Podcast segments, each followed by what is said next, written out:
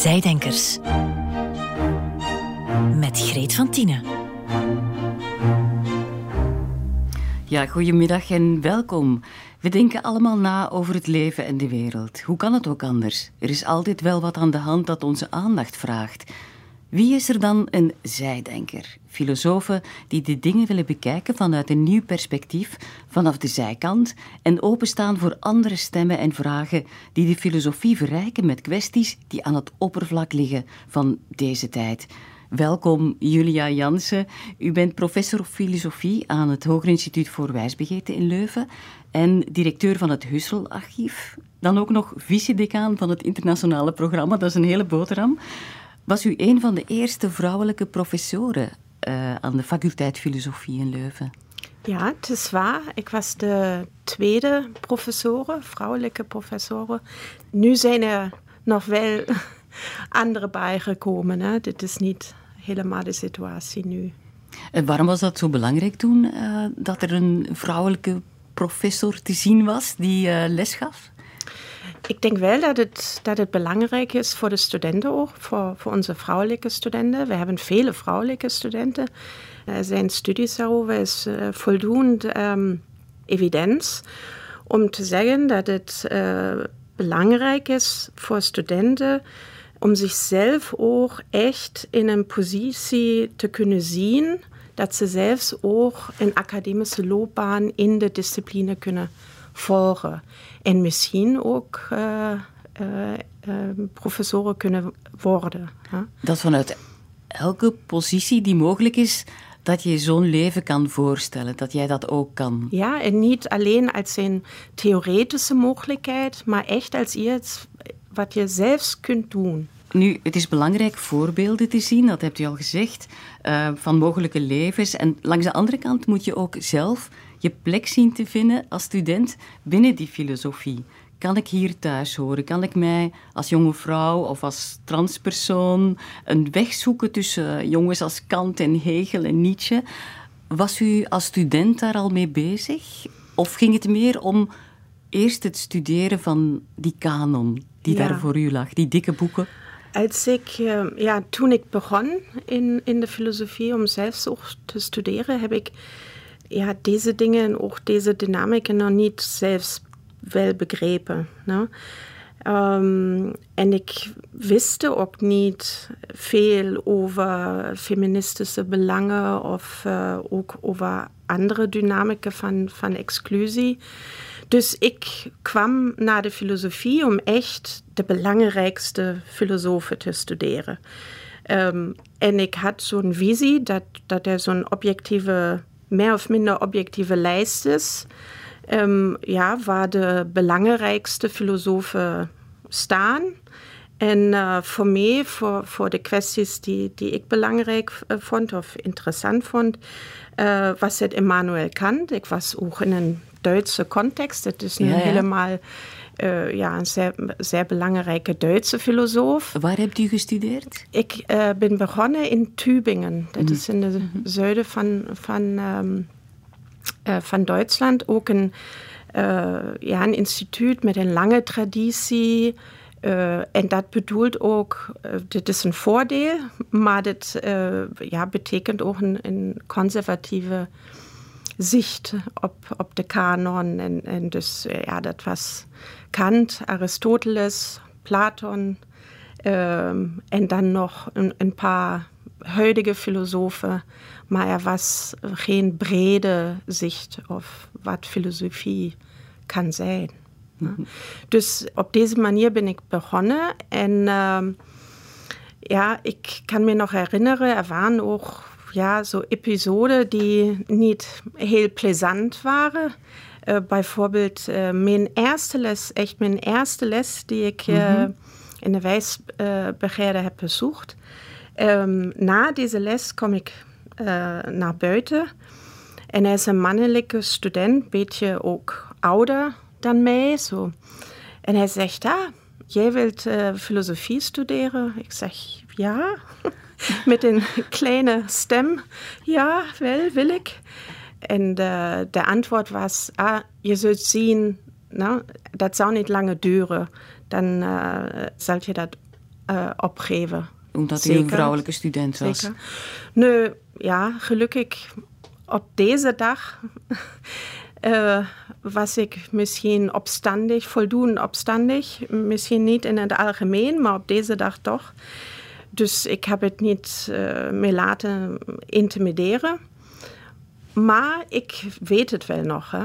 Het is bij mij gebleven als een herinnering van mijn eerste dag mm -hmm. ne, van mijn studies. Mooie ontvangst, mooi welkom Ja. van medestudent. Nu, welke denkers maakten van u een filosoof tijdens uw, uw opleiding?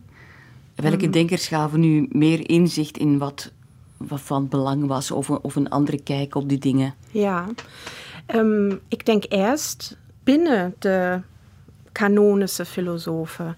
Bijvoorbeeld de Duitse filosoof Immanuel Kant heeft het over eh, de voorwaarden of de condities eh, die het mogelijk maken voor ons de wereld te herkennen en te herleven, te ervaren.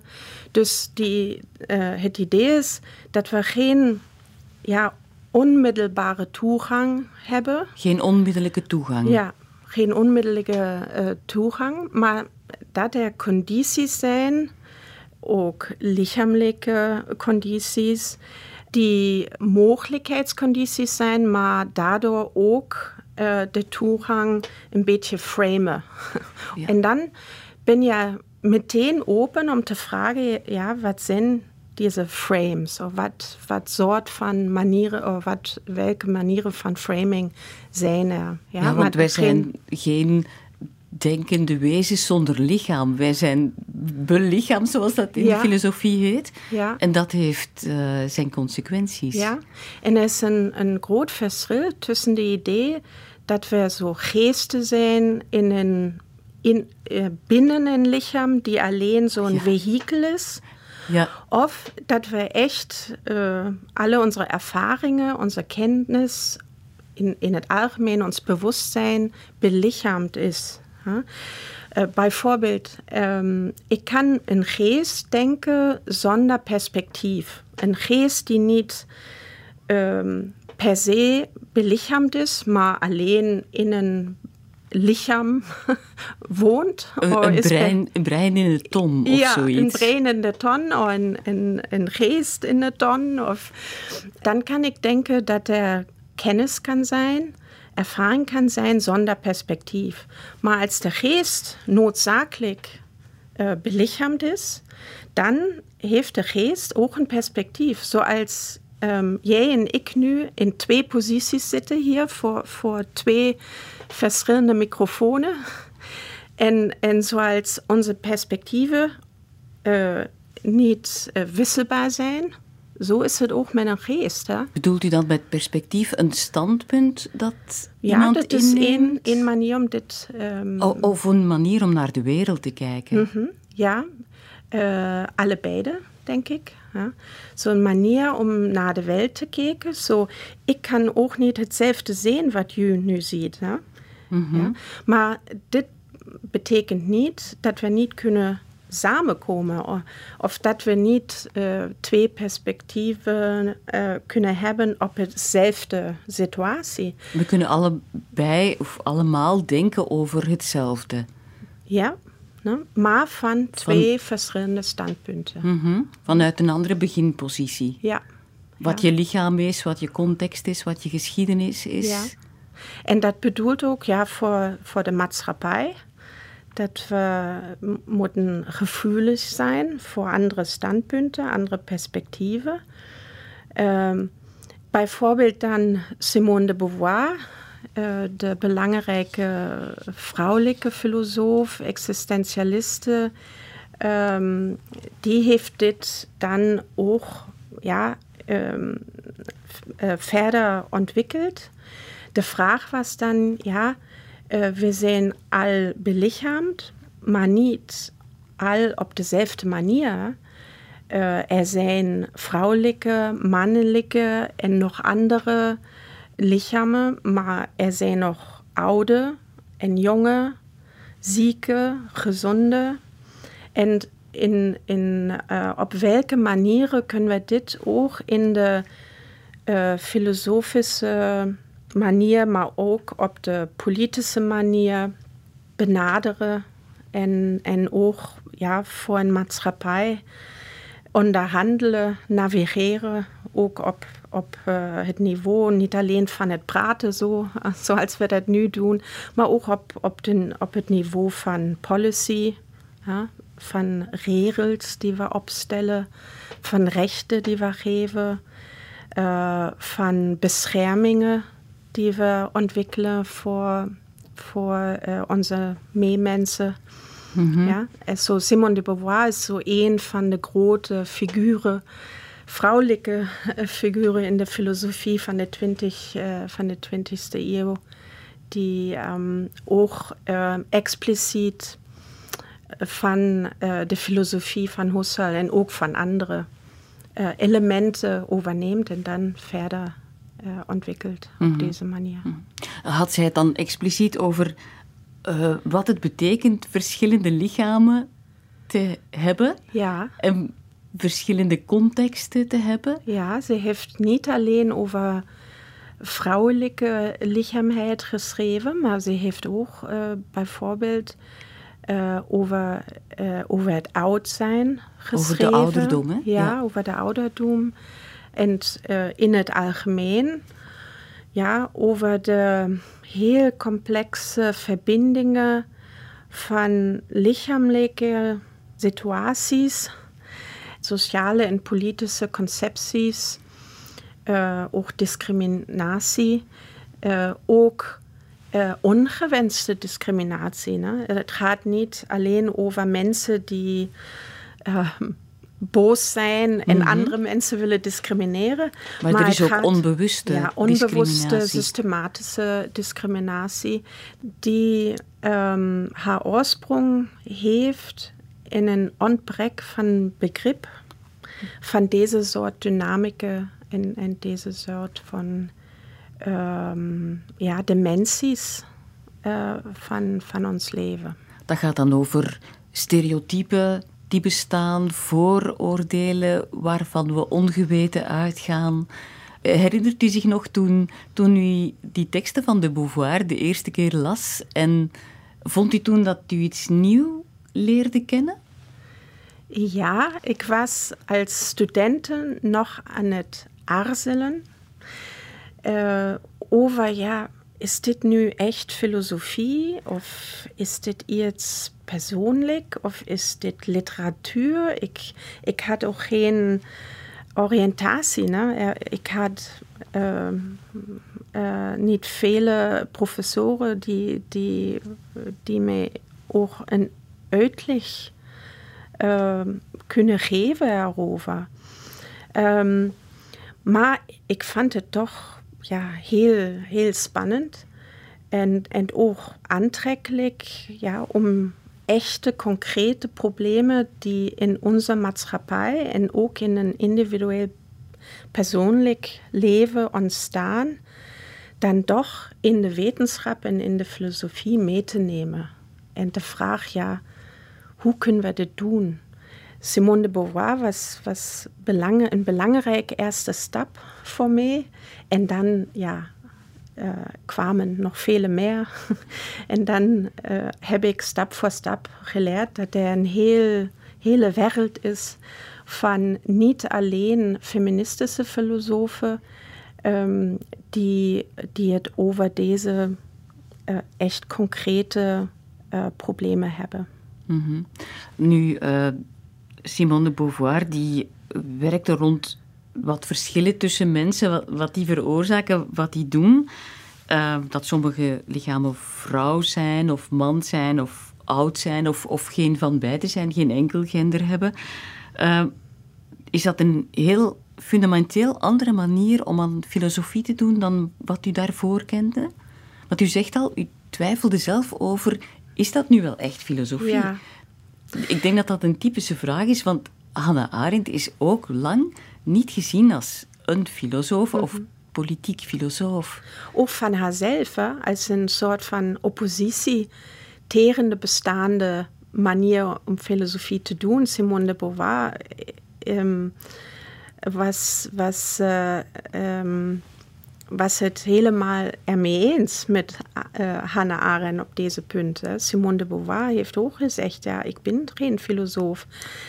Um, maar niet om bescheiden te zijn, maar om te zeggen, hij is uh, iets niet in orde met de manier die we nu filosofie doen.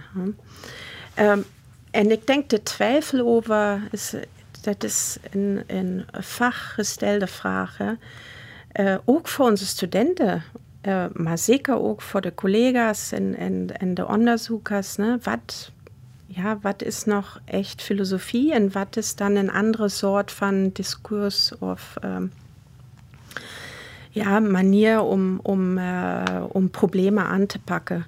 En komt volgens mij vaak van een idee van filosofie die mm, die filosofie beschouwt als een uh, wetenschap over de algemeenste vragen. Mm -hmm. Over en, de, ja, de vragen van de grote vragen de grote van het leven. vragen, fundamentale vragen, misschien ook de um, tijdloze vragen. Universele. Universele vragen. En dan inderdaad moet je vragen, ja, welke verschil is nog een verschil? Zo, bijvoorbeeld een verschil tussen lichamen. Welke verschil is een verschil die in deze wetenschap kan worden opgenomen? En dat was de inzicht van uh, uh, Simone de Beauvoir en ook andere filosofen. Niet dat er, ze waren niet de eerste personen die de verschillen hebben waargenomen, maar ze waren de eerste die hebben getoond dat op een algemene manier, daar gaat het niet over mij of jou, maar het gaat over mij en jou in een indirecte manier, op een indirecte manier. Maar um, um, dat er dergelijke uh, verschillen bestaan, uh, is relevant voor een algemene zicht op de maatschappij. Mm -hmm. ja? Mhm. Niet alleen op een individuele of uh, persoonlijke, persoonlijk niveau, maar mm -hmm. ook voor een algemene zicht op de wereld en, en ja, de maatschappij, wat de mens is. Ja, we moeten deze vragen of deze verschillen opnemen, deze differenties in, in een filosofie die nog steeds naar een uh, algemene zicht uh, toegaat. Uh, maar deze algemene zicht ja, is um, onvoldoend als je de verschil van deze perspectieven niet opneemt mm -hmm. op, op dit niveau. Nu, een, een uh, denker van nu uh, die werkt rond die verschillen is bijvoorbeeld filosoof Judith Butler, uh, die heel veel over gender heeft onderzoek gedaan en geschreven. En hier in dit fragment zegt ze dat gender een fenomeen is dat constant geproduceerd wordt. Niet iets dat een vastgegeven is in je. To say that gender is performative is a little different because for something to be performative means that it produces a series of effects. We act and walk and speak and talk in ways that mm, consolidate an impression of being a man or being a woman. We act as if that being of a man or that being of a woman is actually an internal reality or something that's simply true about us, a fact about us. Actually, it's a phenomenon that's being produced all the time and reproduced all the time. So to say gender is performative is to say that nobody really is a gender from the start. I know it's controversial, but that's my claim. Ja, I know it's controversial, zegt ze, maar toch is het mijn claim dat we doen alsof, uh, alsof man of vrouw zijn een interne realiteit is of een vaststaand feit over ons. Maar gender is een fenomeen dat de hele tijd geproduceerd wordt. Is dat een soort denken dat voortkomt uit heel uh, die denktraditie die ergens ook een, flinke start heeft gehad bij Simone de Beauvoir? Jazeker. Um, ik denk um, we hebben ook in Simone de Beauvoir uh, deze soort van inzicht, dat bijvoorbeeld, um, dat is een beroemde zin van haar, uh, uh, ik ben niet als vrouw geboren, maar ik, ik word een vrouw. Ja? Of met Judith Butler, als we dat nu bijnemen en ook uh, echt dynamisch verstaan als iets wat, wat continu gebeurt en, en niet in processen die dan, op, op één dag ben ik dan een vrouw. Ja. maar dat is een proces, een continu proces. Uh, ik ben aan het worden.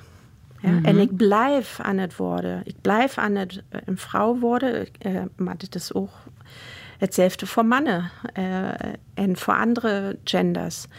Um, de idee is dat we ja, elke dag deze soort van dynamieken of verwachtingen, wat, wat, um, ja, wat bedoelt het niet alleen een vrouw te zijn bijvoorbeeld, maar een goede vrouw, wat bedoelt het? Er zijn verwachtingen erover. Um, ja, die moeten we elke dag opnieuw voor ons onderhandelen.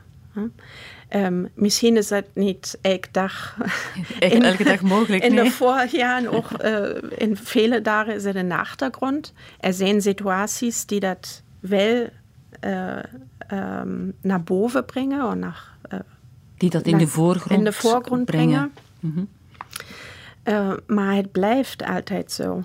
Uh, dit is zo, ja, dit is één uitleg waarom het ook niet altijd gemakkelijk is. Ja.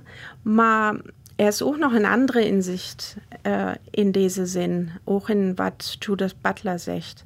Als het echt zo is dat we in een continu proces zijn om deze verwachtingen en, en ja, social roles um, te navigeren in ons leven, dann ist er auch niets noodzakelijk erover.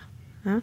Um, dat is contingent, um, dat heeft een, his, uh, een geschiedenis, dat ontwikkelt zich en dat bedoelt toch ook als uh, ja, ruimte om het ook anders te doen. Mm -hmm. Er zijn verwachtingen en in vele manieren, ja, in mijn eigen leven uh, probeer ik om deze verwachtingen ook te, te, in te vullen.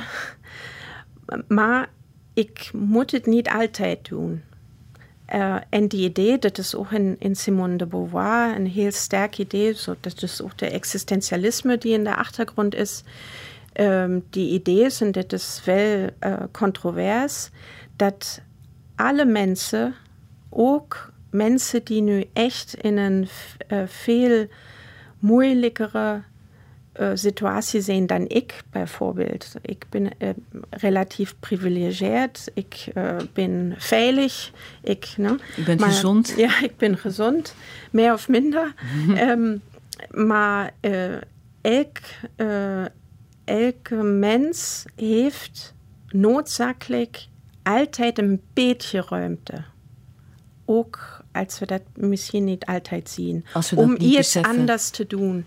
Om bijvoorbeeld, uh, om, om terug te komen naar Judith Butler, ze heeft het echt over heel uh, mundane dingen. Ne? Dit is niet uh, een politische actie of een grote speech houden of zo. Dit is ja, um, welke kleren trek ik aan? Hoe uh, hoe zit ik aan de tafel? Hoe spreek ik? Hoe spreek ik? Mm -hmm. bijvoorbeeld, ik heb geen uh, zeer mannelijke stem, dat weet ik. Dat is ook soms een beetje een probleem in een discussie, dat weten we ook. Dat uh, vrouwelijke stemmen vaak minder sterk overkomen en zo. Um, ja, maar ik kan het ook een beetje anders proberen. Ik kan ook een beetje anders zitten, een beetje anders. Ja. Dat zijn zo kleine dingen. Dat klinkt misschien banaal, maar over tijd kan het een verschil maken. Ja. Dat ik een beetje voor mij ruimte maak. Ademruimte, Ja. letterlijk. Adem- en bewegingsruimte. Ja, ja. Dan moet je inderdaad al daarvan bewust zijn dat het zo is. Want veel mensen voelen zich misschien in een vast patroon Ja. eh, gevangen gezet, Ja. om het zo te zeggen. Maar als je daarvan bewust zijn, bent dat het niet zo is, dat dat geen natuurlijk feit is, ja, dan kan je wel meer Ja. bewegingsruimte hebben, zoals En voor deze reden is het ook belangrijk dat we onze jonge mensen eh, dat laten weten, dat we met hun dis erover discussiëren en dat ze de speelruimte ook leren te zien, ja, om het dan te, hopelijk te gebruiken. Maar ik denk er is één eh, belang, belangrijke misverstaan over deze zaak. Neem, eh, namelijk dat, oké, als het alles een performance is en als het alles zo'n proces is en er is niets noodzakelijk Alles is in beweging, alles is dan proces. is het niet reaal. Ne? Dan Dat is het niet echt. Ja, dan is het niet echt. En dat is denk ik een, een grote fout. Ne? We, moeten, ehm, we moeten het op de andere kant eh, zien wat we realiteit noemen. Ehm, dat is iets wat altijd in een proces is. Hè. Maar ik denk het is ook eh, echt cynisch om te zeggen dat gender bijvoorbeeld niet reaal is, eh, wanneer mensen letterlijk eh, eh, sterven erover en grote problemen hebben. Eh, ja, daar kun je niet zeggen, ja, maar dat is alleen in je hoofd. Hè? De inzicht moet zijn dat dat wat reaal is, ook niet alleen, maar ook van deze soort van processen afhangt. Van zangeres Haley Duck hoeven we geen twee keer na te denken. In elk geval, don't think twice, it's alright.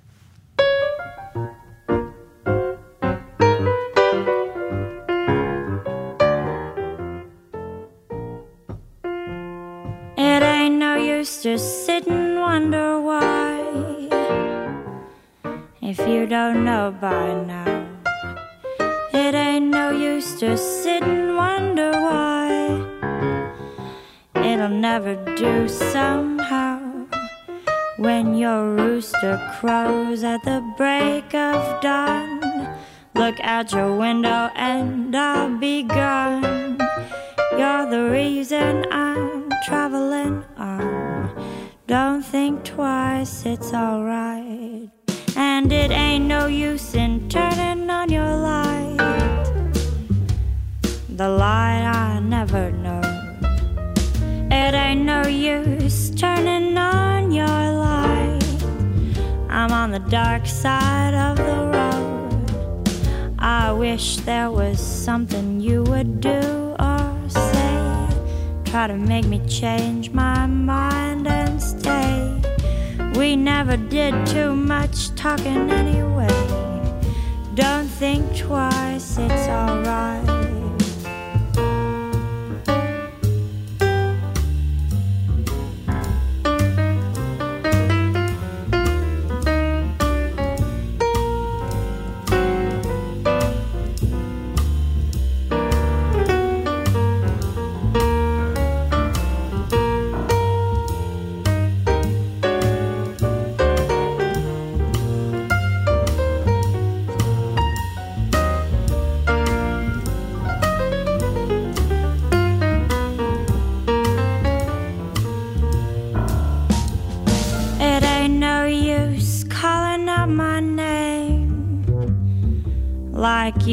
Never done before. It ain't no use calling out my name. I can't hear you anymore. I'm thinking and wondering, walking down the road. I once loved a woman, a child, I'm told. Gave her my heart, but she wanted my soul. Don't think twice, it's alright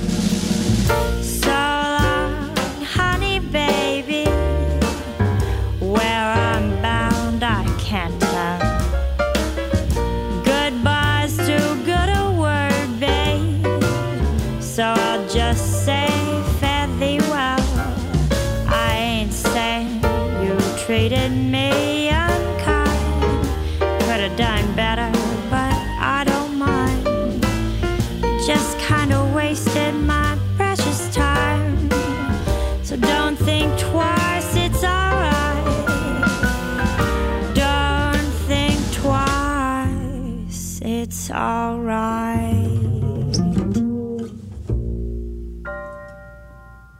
Jazzzangeres Haley Tuck. Een heerlijke stem, vind ik.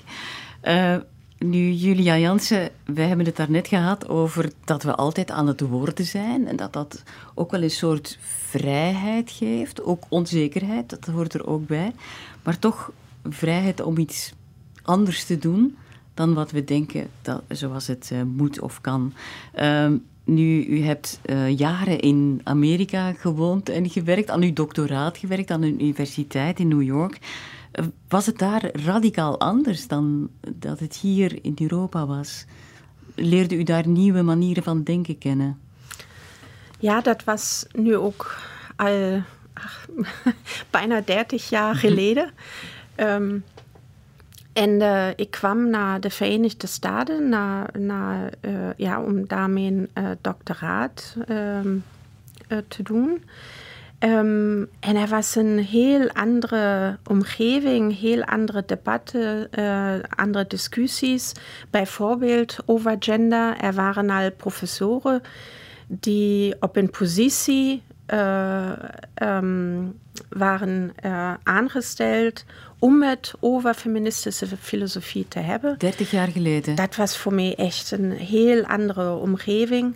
Ehm, maar ik was toch ook een outsider. Ik kwam van Europa. Ik ehm, wist niet veel erover, over deze soort van debatten.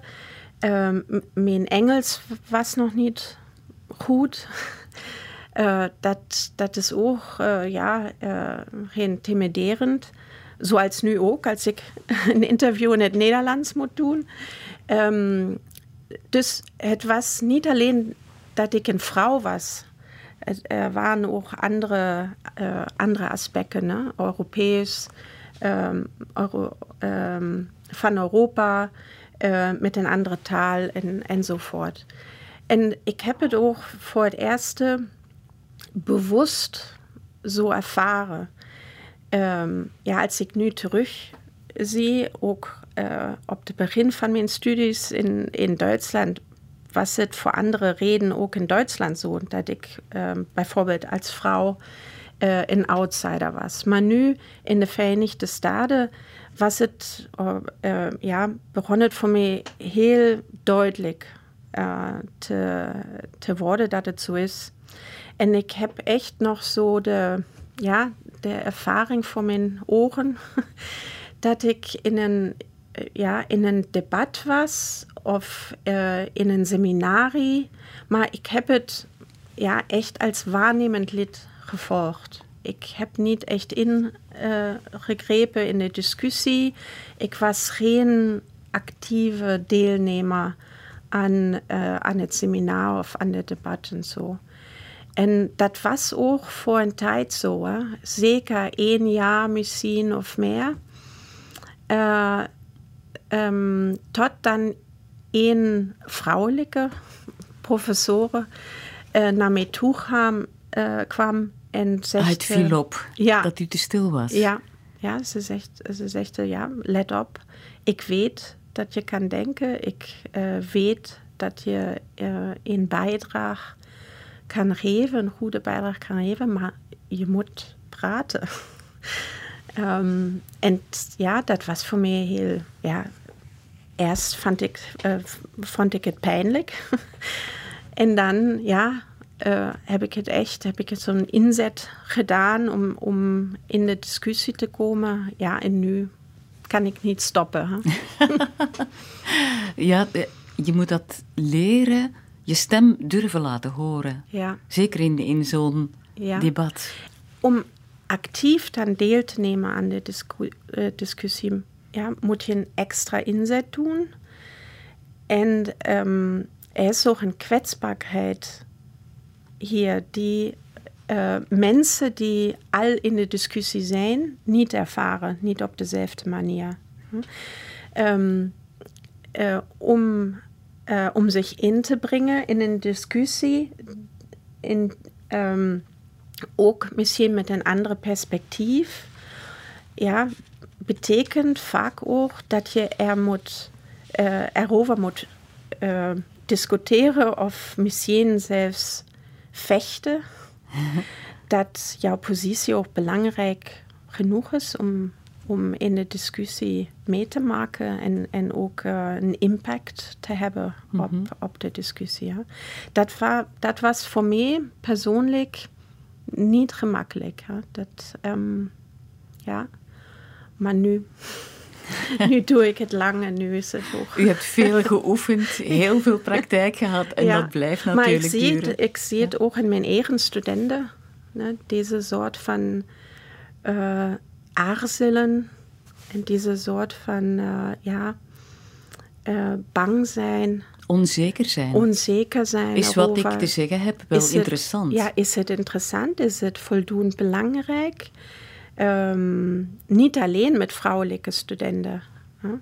Dat moet ik ook zeggen. Maar toch typisch voor, voor vrouwelijke studenten. Mm -hmm. Even naar een andere vernieuwende denker, uh, Donna Haraway, filosoof en bioloog, over denken als een materiële praktijk. Thinking is a materialist practice. It is not some kind of off into the skies to do theory from above, but that kind of, of rich materialist uh, inquiring with each other who and where we are and so what. The old what is to be done in periods of profound historical earthly transformation that are uh, extremely dangerous. So that I think, I think thinking together, reading and writing and speaking and performing and dancing and growing and risking and working. Thinking is a, is a complex materialist practice for somehow coming together to be less stupid. Ja, samenkomen, samen denken om minder dom te worden. Met elkaar onderzoeken wat en waar we zijn. En de oude vragen opnemen wat te doen in periodes van diepgaande aardse uh, transformaties. Ja, Haraway ziet denken echt als iets dat in het leven staat, hè, met de twee voeten in het leven staat. En niet als een uh, uh, high in the sky praktijk hè, die losgezongen zou zijn van de wereld en van het leven.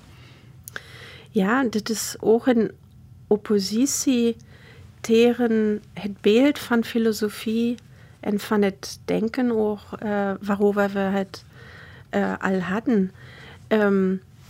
Uh, deze idee van filosofie als een soort van, van denken dat met de, de echte wereld niet veel niets te maken heeft. niets ja. te maken heeft. Of bijna en, niets. ja. En uh, echt naar nog fundamentalere uh, vragen gaat. Ne?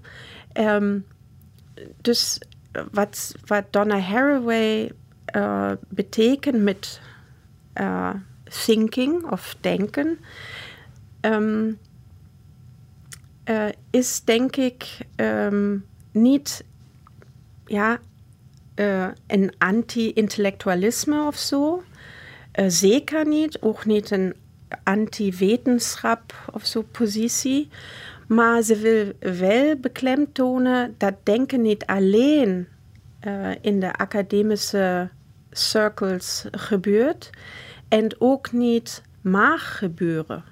Dat er moet een uh, verbinding zijn uh, tussen de, more, uh, de meer formale en wetenschappelijke, academische denken, dat we ook nodig hebben. Hè? We kunnen niet alleen dansen om problemen op te lossen. We moeten onderzoek doen en we, we, we, we hebben al, al dit werk ook nodig. Maar uh, we moeten ook uh, de verbinding zoeken naar concrete problemen die ook niet altijd dezelfde zijn. Dus um, problemen ook in de filosofie ja, um, komen, komen naar boven van het leven. Die werden dan geformaliseerd. Dat heeft dan ook zijn eigen dynamiek. Uh, en uh, de eigen, ja, onafhankelijk van het leven gaat dat verder. Maar er moet ook altijd iets weer komen van, van, van het leven. Uh, Iets anders. moet geworteld zijn in de realiteit, in de echte ervaringen van mensen. En we moeten ook um, uh, bereid zijn, maar ook competent blijven om antwoorden te geven. Um, ook misschien niet definitieve antwoorden. Um, naar wat, wat aan het gebeuren is. Mm -hmm. Nu, u geeft al verschillende jaren feministische filosofie. Was dat op aanvraag van de studenten zelf? Dat was uh, inderdaad op aanvraag van uh, studenten zelf, die, um, uh, ja, die, die aanvraag was om in het Instituut van Filosofie in Karl Leuven een mastervak um, te ontwikkelen um, ja, met het ontwerp feministische filosofie en filosofie over gender. Um, en dat is ook een goed voorbeeld um, uh, ervoor dat we niet alleen alles centraal en van de, uh, ja, van de positie van power, zeg ik maar, van macht, uh, van macht kunnen adequaat organiseren. Uh, bijvoorbeeld ja, aan het instituut zijn het nog steeds de professoren die uh, in het laatste moment verantwoordelijk zijn voor het curriculum. En er zijn nog goede redenen daarvoor. Maar het is ook belangrijk om te luisteren. Wat zijn de, uh, wat zijn de vragen die, en ook de behoeften die van onze studenten komen. En dan moeten we een positie hebben. We kunnen ook niet uh, naar alle vragen ja zeggen. We moeten erover nadenken. Dat is ook niet altijd een gemakkelijke proces, maar dit is een proces die in onze verantwoordelijkheid staat. En in, uh, in dit geval was dan de antwoord ja, zeker, dat, dat zullen we doen. En ik ben heel blij dat ik dat nu uh, over de jaren ook kan blijven doen. Ja, dat gaat dan over luisteren naar nieuwe vragen en het binnenlaten van nieuwe stemmen. Ja. En dit is ook een grotere complex. Feministische perspectieven zijn maar één, één soort van perspectieven. Nu is er ook een algemene discussie over de verbredering, de uitbreiding van het curriculum. Um, ook naar uh, bijvoorbeeld um, uh, postkoloniale stemmen, um, ook over uh, bijvoorbeeld racisme en, en zoiets. en dat is, ja, dat is een moeilijk proces, dat moet worden gediscuteerd. en dat kan ook vaak betekenen dat wij als professoren deze proces ja, gewoon willen uitstellen. Ne? Omdat we bezig zijn met wat we doen en we weten dat het niet en altijd dan om weer iets anders binnen te laten vraagt ja, aandacht, ja, studie. Dat zijn voor alles wat je naar binnen neemt, moet ook iets naar buiten. Uh, dus dat zijn uh, moeilijke discussies. En, en de studenten hebben daarover een andere perspectief. Die zijn niet uh, die, hebben, die zijn nog niet verantwoordelijk voor zo de lange zicht uh, van het curriculum en, en zoiets. Dus het is belangrijk dat de impuls dan van deze jonge mensen komt en dan ook ja, ons professoren dan um, uh, ja, ook in de, in de plicht neemt deze discussies dan ook te voeren, ook als we ja, misschien dat niet altijd aangenaam vinden. Ja, waarschijnlijk is het eh, effect ook soms van een beetje wakker schudden.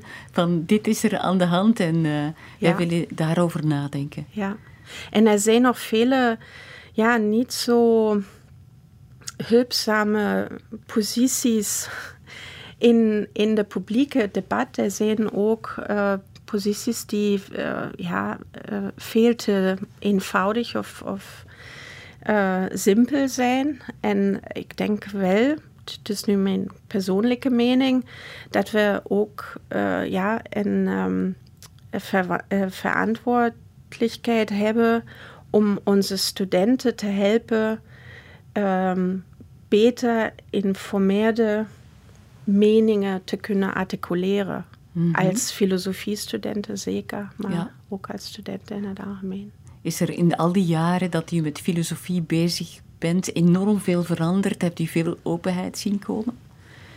Um, ja, zeker. Er is altijd uh, komen er nieuwe, nieuwe, niet alleen vragen en perspectieven, maar ook nieuwe ressourcen. Nieuwe uh, bronnen. Nieuwe, nieuwe bronnen ja, aan de tafel. En uh, dat is ook ja, waarom, waarom deze soort van, van werk zo spannend blijft. Um, en, uh, maar er is veel te doen. Hè? Uh, mm. En de filosofie werkt altijd langzaam. Het is een discipline die heel traag is. Um, en dat heeft ook voordelen om, omdat je ook tijd nodig hebt uh, voor reflectie uh, en voor voorzicht. Um, maar dit is niet hetzelfde tempo als de maatschappij in het algemeen of het leven ja. in het algemeen. Dus uh, ja, dit is spannend, maar ook moeilijk. Ja, ik kan je zeggen, in navolging van Simone de Beauvoir, je wordt niet geboren als filosoof, maar je wordt het. Precies. Dankjewel, Julia Jansen. Dit was de laatste aflevering van Zijdenkers. Zo zijn we alvast warm gelopen voor de maand van de filosofie. Dat wordt op 2 april gevierd met het feest van de filosofie in Leuven. En op zaterdag 9 april is het de Dag van de Filosofie in Gent. En daar zal Alicia Gesinska ook mij interviewen over het Clara-boek dat vorig jaar verscheen. De stuntelende mens, een klein onderzoek naar wat wij zijn. De Zijdenkers kunt u herbeluisteren via clara.be, de Clara-app of als podcast. Graag tot een volgende keer en nog veel luisterplezier bij Clara.